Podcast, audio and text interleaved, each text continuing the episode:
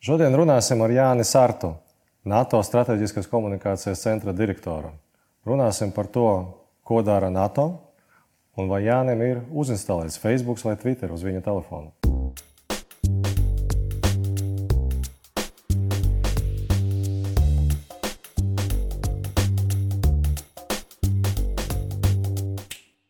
Tad, eh, Jāni, paldies, ka atnācāt. Eh, tad nu, vienmēr ar, ar tādu ļoti konkrētu speciālistu vienmēr ir saruna par to specializācijas tēmu, par drošību jūsu gadījumā. Ja? Tad mēģināsim tad būvēt to sarunu ap to drošību, bet man gribējās uh, vairāk parunāt par to, ko vajadzētu darīt sabiedrības ietvaros, lai nenonāktu līdz drošības jautājumiem.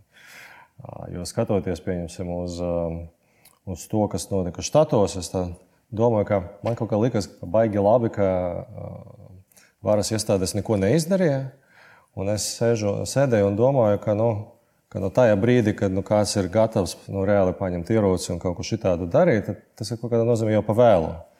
Nu, tas nozīmē, ka tā diskusija aizgāja kaut kur ne tur, un tad nu, kaut kādi fakti ir pazaudēti, un tā, tā uzticība ir pazaudēta. Uh, Un, ja kāds risinājums, kas nu, nāk, nu, tā jau ir saistīts ar asinīm, ar, tiesas prāvām, kriminālu lietām. Nu, tas ir tas, kas tagad notiek.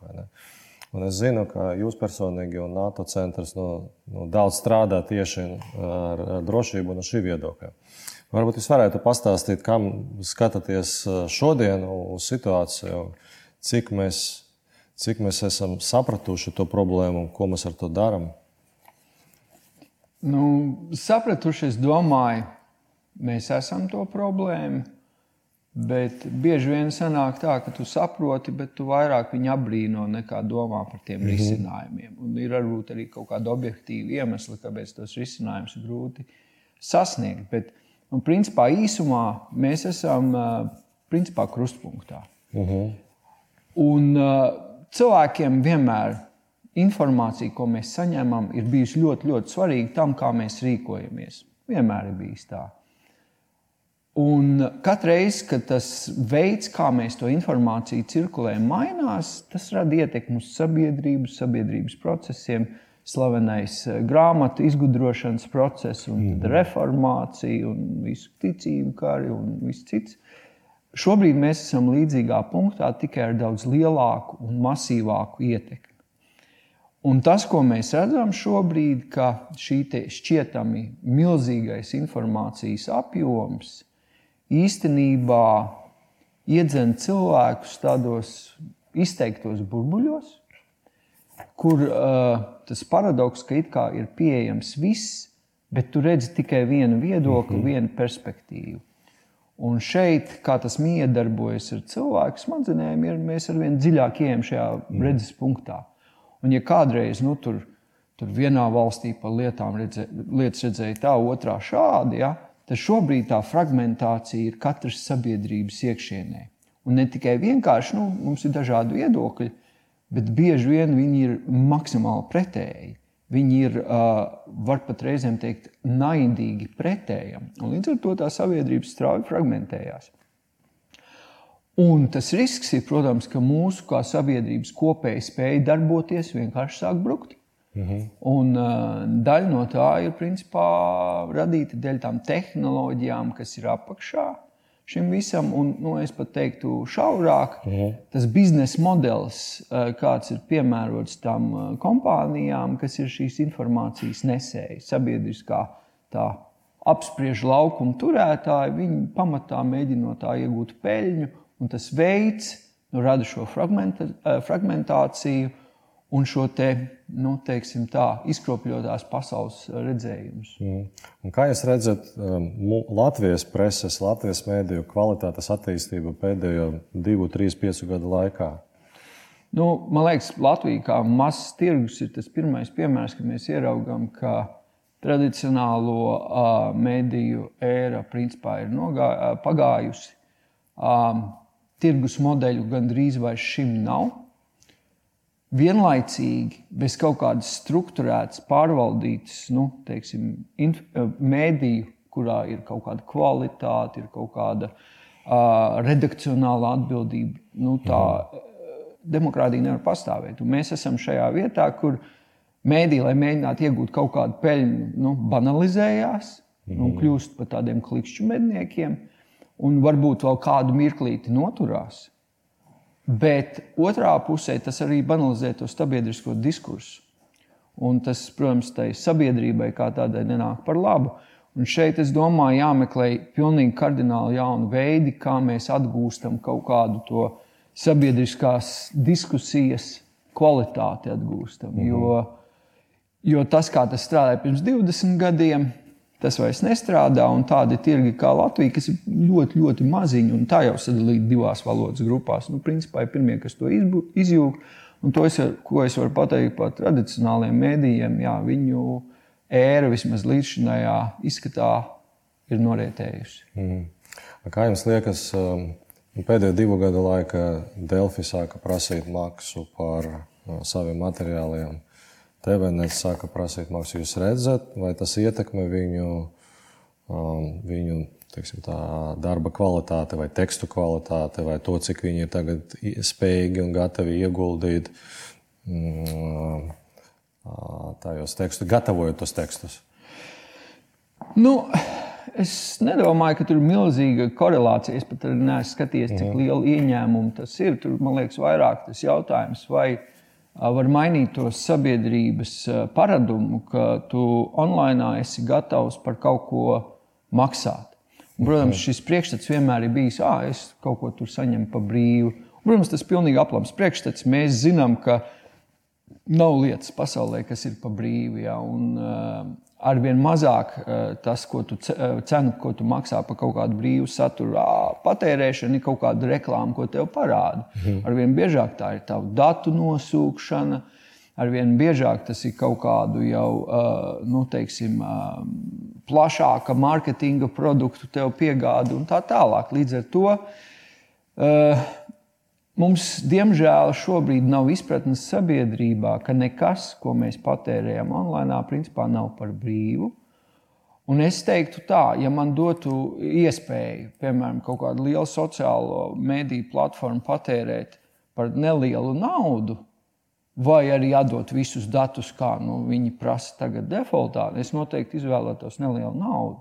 Jo tie dati, ko viņi paņem par mums, ir eh, principā mūs pilnībā izģērboši kā, kā individus. Un tad, nu, kā viņi tikt iz, var tikt izmantot, ir nu, var labi, var mhm. neitrāli un var ļoti slikti to izmantot. Un tas man liekas, mums pietrūkst tā sapratne, ka nekas nav par brīvu uh, un ka, ko tu maksā, ja tev šķiet, ka tu nemaksā par saturu. Nu, tas, kas man fascinē profesionāli, ir tas, ka Nu, mēs, kā tehnoloģisti, mēs kaut ko izstrādājam, un mēs ļoti slikti prognozējam, kas notiks ar mūsu uh, izstrādi.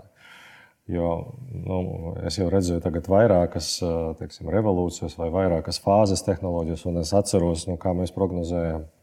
IT-šņiki, kā internets novedīs pie brīvas pasaules un tam mm. līdzīgi. Ja?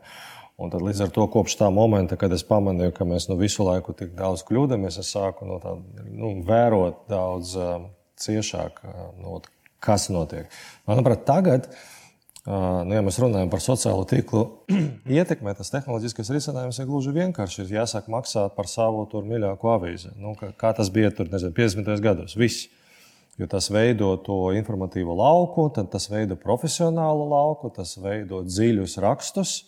Un tad ar laiku tad tas viss nu, atrisināsies kaut kādā ziņā. Nu, tas būtu labi, ja teiksim, cilvēki būtu gatavi tāpat kā viņi maksā par ilgtermiņu kvalitīvu nu, kaut kādu izklaidi, kā Netflix vai mm -hmm. Spotify. Būtu līdzīgs mehānisms, kā tu tiec pie kvalitīvas, daudzpusīgas teiksim, informācijas. Bet nu, šobrīd tā nav. Otra daļa šajā visā tēmā, kas man arī ļoti, kā jau es tikko iezīmēju, nepatīk. Tas, uh, tas, cik brīvi un vienkārši dažādas kompānijas un spēlētāji rīkojas ar datiem, mm -hmm. mūsu datiem. Ja? Un tas man liekas, ir pilnīgi greiza, teiksim, ekonomiska risinājums. Un, protams, mēs zinām, kurš no tā iegūst. Tur, tur, tur Facebook, Google un tā tālāk. Bet fundamentāli tā, manuprāt, ir, īpaši skatoties to tehnoloģisko teiksim, trajektoriju, ļoti nepareiza lieta. No tās mums mm. būtu maksimāli ātri jātiek ārā.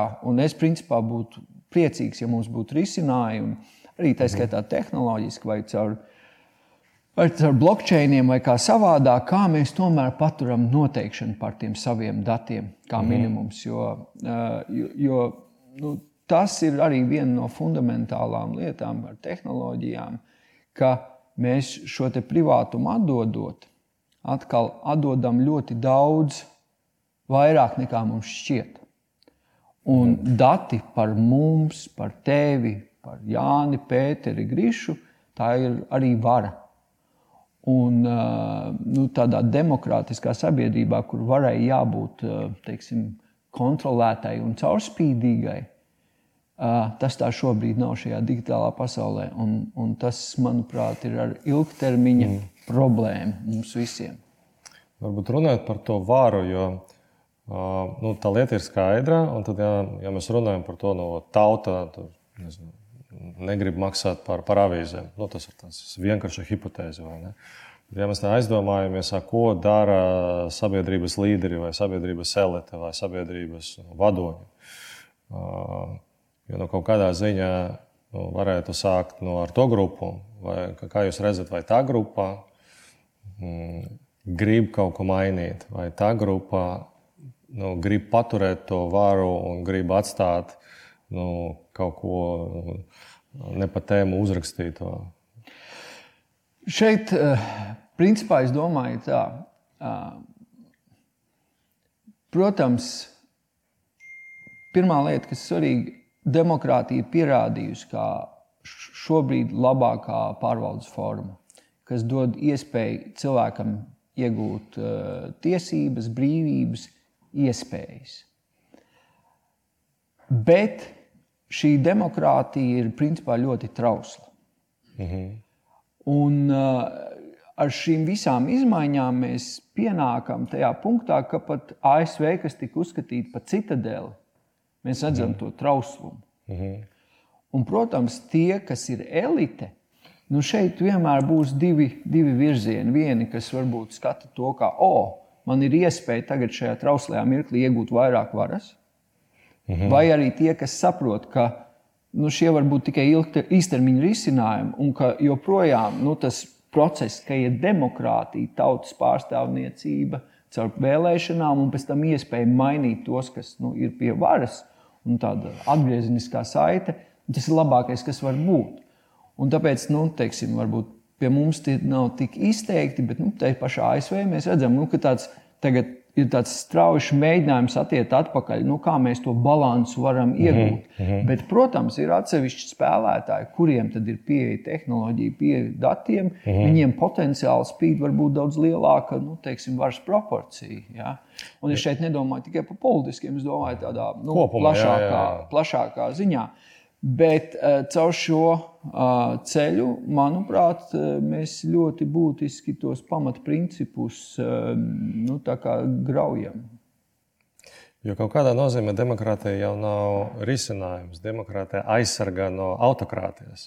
Kaut kādā nozīmē tas ir vienīgais, ko demokrātija var reāli panākt. Un visam tam, kas iet tālāk, vajag kaut ko citu. Jo, um, jo Jo profesionālāka ir diskusija, jo vairāk tev pašam ir jāzina argumenti. Un, ja teiksim, tā diskusija nav profesionāla, tad tu vari arī tā pļāpāt. Teiksim tā, es teiktu tā.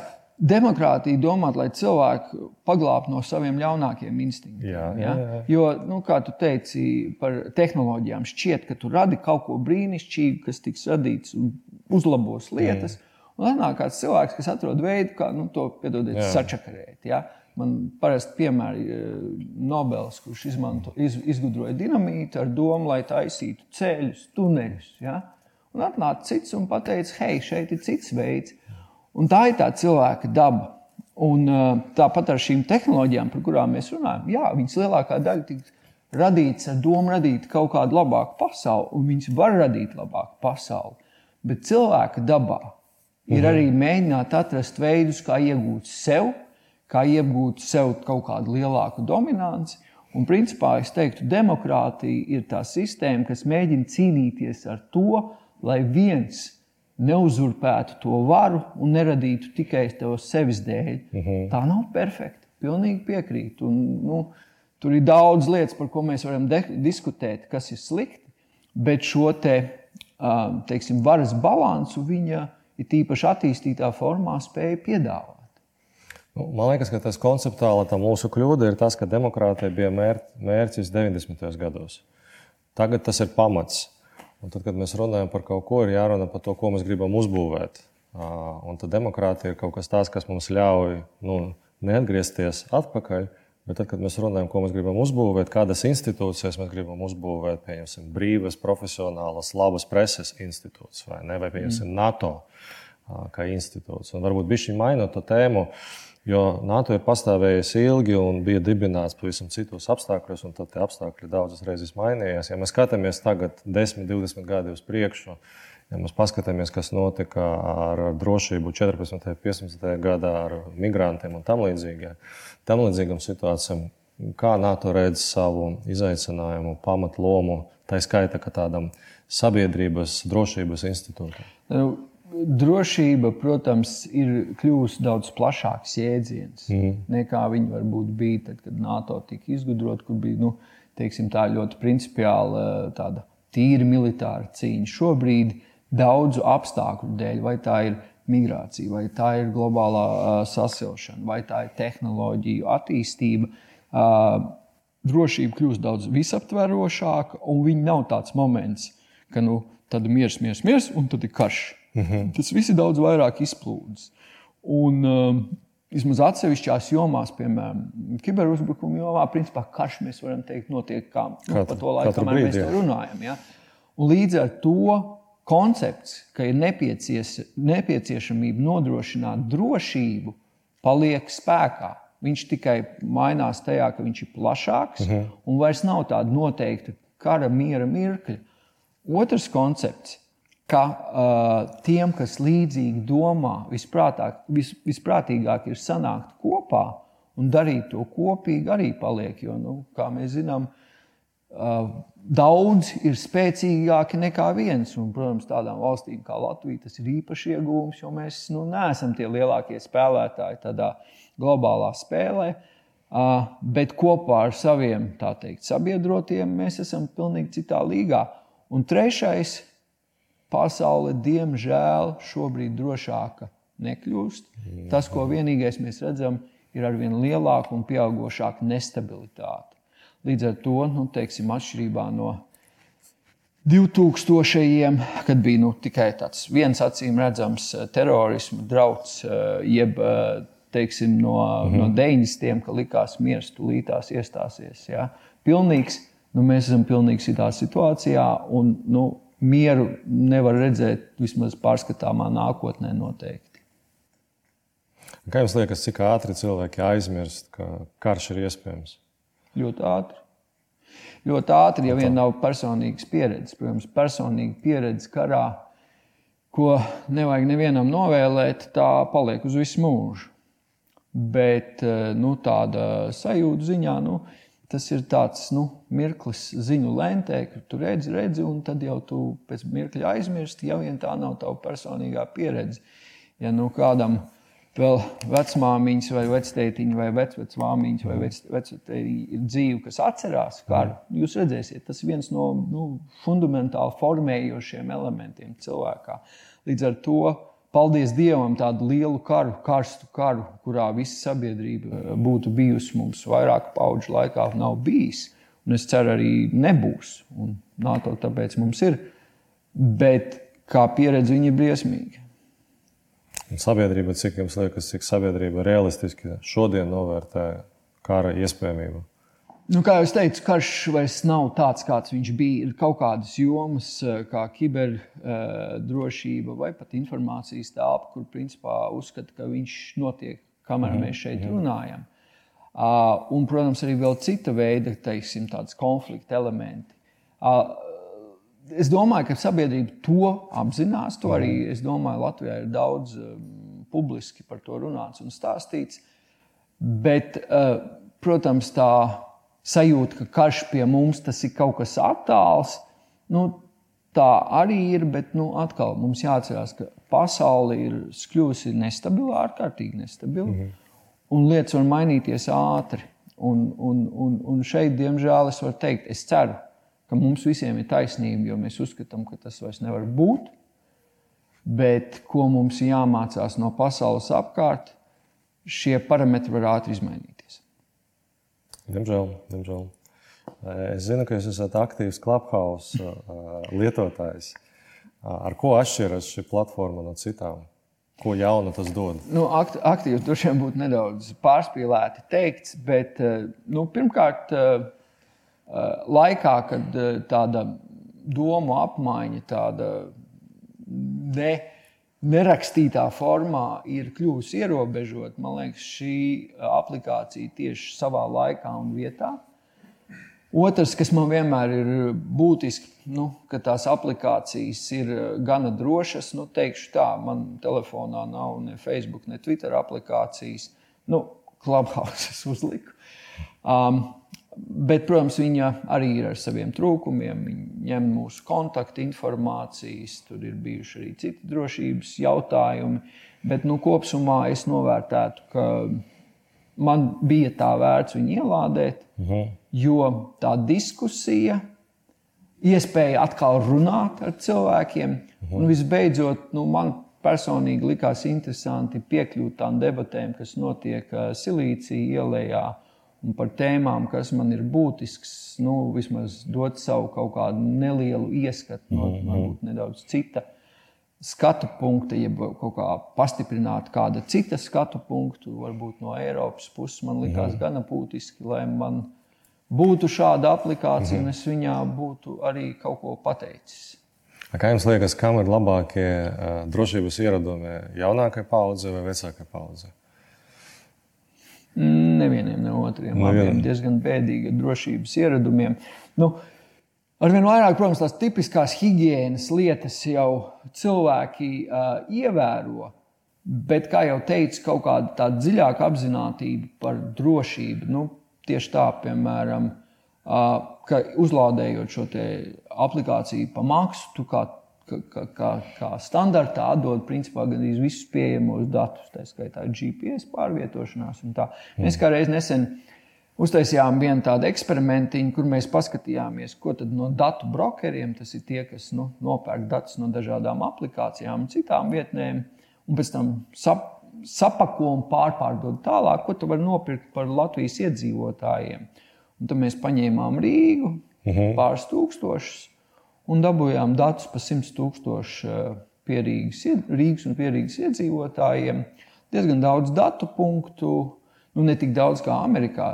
Uh mhm. Tur nav varbūt tāda ierobežojuma. Protams, mums arī tas tirgus mazāk, arī nav tik, tik bagātīgs tas uh mhm. datu sets. Bet nu, par tiem 100 tūkstošiem mēs paskatījāmies, ka varētu ļoti viegli individualizēt tos visus datus līdz vārdam, uzvārdam, dzīvesvietai, maršrutam, darbam, paradumiem, mhm. -huh. iepirkšanās paradumiem, ienākumiem, tā teikt, mīļākajām draudzenēm, mhm. -huh. bērniem. Um, nu, to mēs neapzināmies, ka mēs to atdodam visu laiku un veselu ekosistēmu tirgus. Tā kā šajā jomā es teiktu, kā jaunie tā vecie nu, netiek līdzi. Tur tā problēma, ka tā tehnoloģija temps ir daudz ātrāks, kā sabiedrība spēj piega, pielāgoties tam. Mm -hmm. Paldies jums par jūsu ieskatiem. Cīnīsimies par drošību. Paldies. Cīnīsimies. Paldies.